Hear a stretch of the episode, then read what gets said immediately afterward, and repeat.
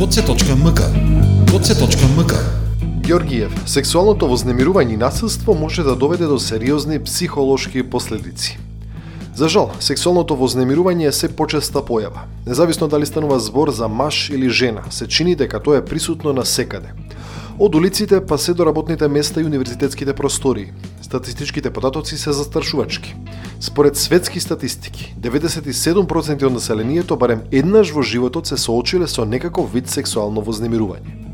За тоа како да се препознаат формите на сексуално вознемирување и какви психолошки последици може да остават, разговараме со Иван Георгиев, дипломиран психолог. Терминот сексуален напад се однесува на сексуален контакт или однесување што се случува без експлицитна согласност од жртвата. Сексуално вознемирување е несакано сексуално однесување кое може да е навредливо, понижувачко или застрашувачко. Може да биде писмено, вербално, физички или онлайн. Психолошкото влијание на сексуалниот напад и вознемирување многу варира од личност до личност. Дете жртва може нема да свати дека е нападнато со години. Кај возрастните може да се појави нарушена доверба, страв, чувство на срам, збунетост и вина. Жртвите исто така може да бидат изложени на зголемен ризик од проблеми со менталното здравје, како што се депресија, нарушување на употребата на субстанции, нарушување во исхраната, анксиозност, вели психологот Георгиев. Психолозите користат состојба која ја нарекуваат фриз или замрзната состојба. Таа состојба се јавува кај личноста кратко после нападот. Ова може да придонесе за дополнително чувство на вина кај жртвата. Посттравматско стресно нарушување исто така може да биде честа појава после нападот. Фриз состојбата се јавува како реакција на организмот во ваквите ситуации кои ги блокира сензорните примачи на телото, примарно допир. Па затоа всушност и во голем дел од сексуалните напади, жените или мажите не се сеќаваат на чувството на злоставувањето. Жртвата може да се чувствува лошо што него запрела нападот. Тие може да се грижат за тоа што ќе мислат другите или ќе се обвинуваат себе си, иако никогаш жртвата не е виновна. ПТСН е состојба која се појавува по преживување на настан со сексуален напад или вознемирување. Ваквата состојба представува целокупно реагирање на личноста во дадена ситуација која го подсеќа на нападот. Тоа се манифестира со болки во телото, главоболка, изнемоштеност, несоница, кошмари и лоши присеќавања на ситуацијата.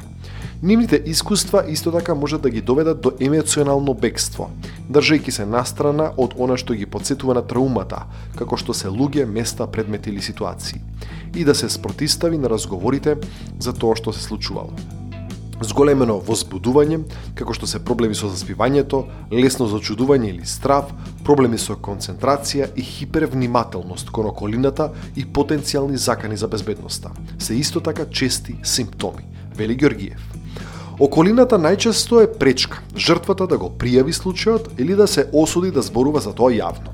Јавниот срам и перцепцијата од страна на јавноста се нешто што мора да се промени за да може жртвите да пријавуваат почесто.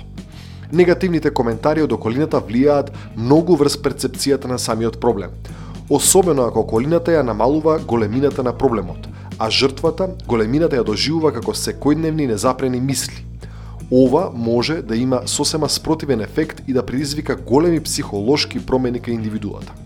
Голем број на насилство од сексуален тип се јавуваат и во внатрешноста на партнерските врски, а тие се должат на комуникацијата која е неправилно воспоставена во почетокот на врската.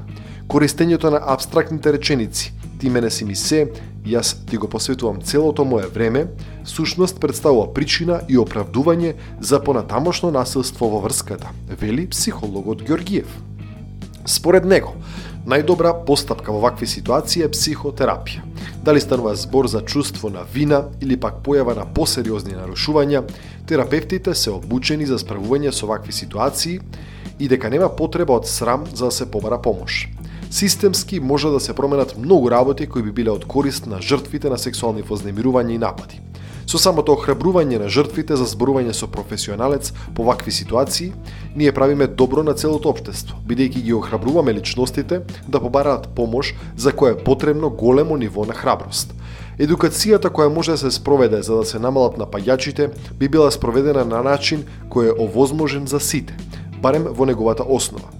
Доколку станува збор за сексуален заоставувач, кој причината ја гледа во некои длабоки стиснати делови од својата психа, или пак психијатриски е диагностициран како таков случај, тогаш е потребна професионална психолошка и психијатриска помош, вели психологот Георгиев.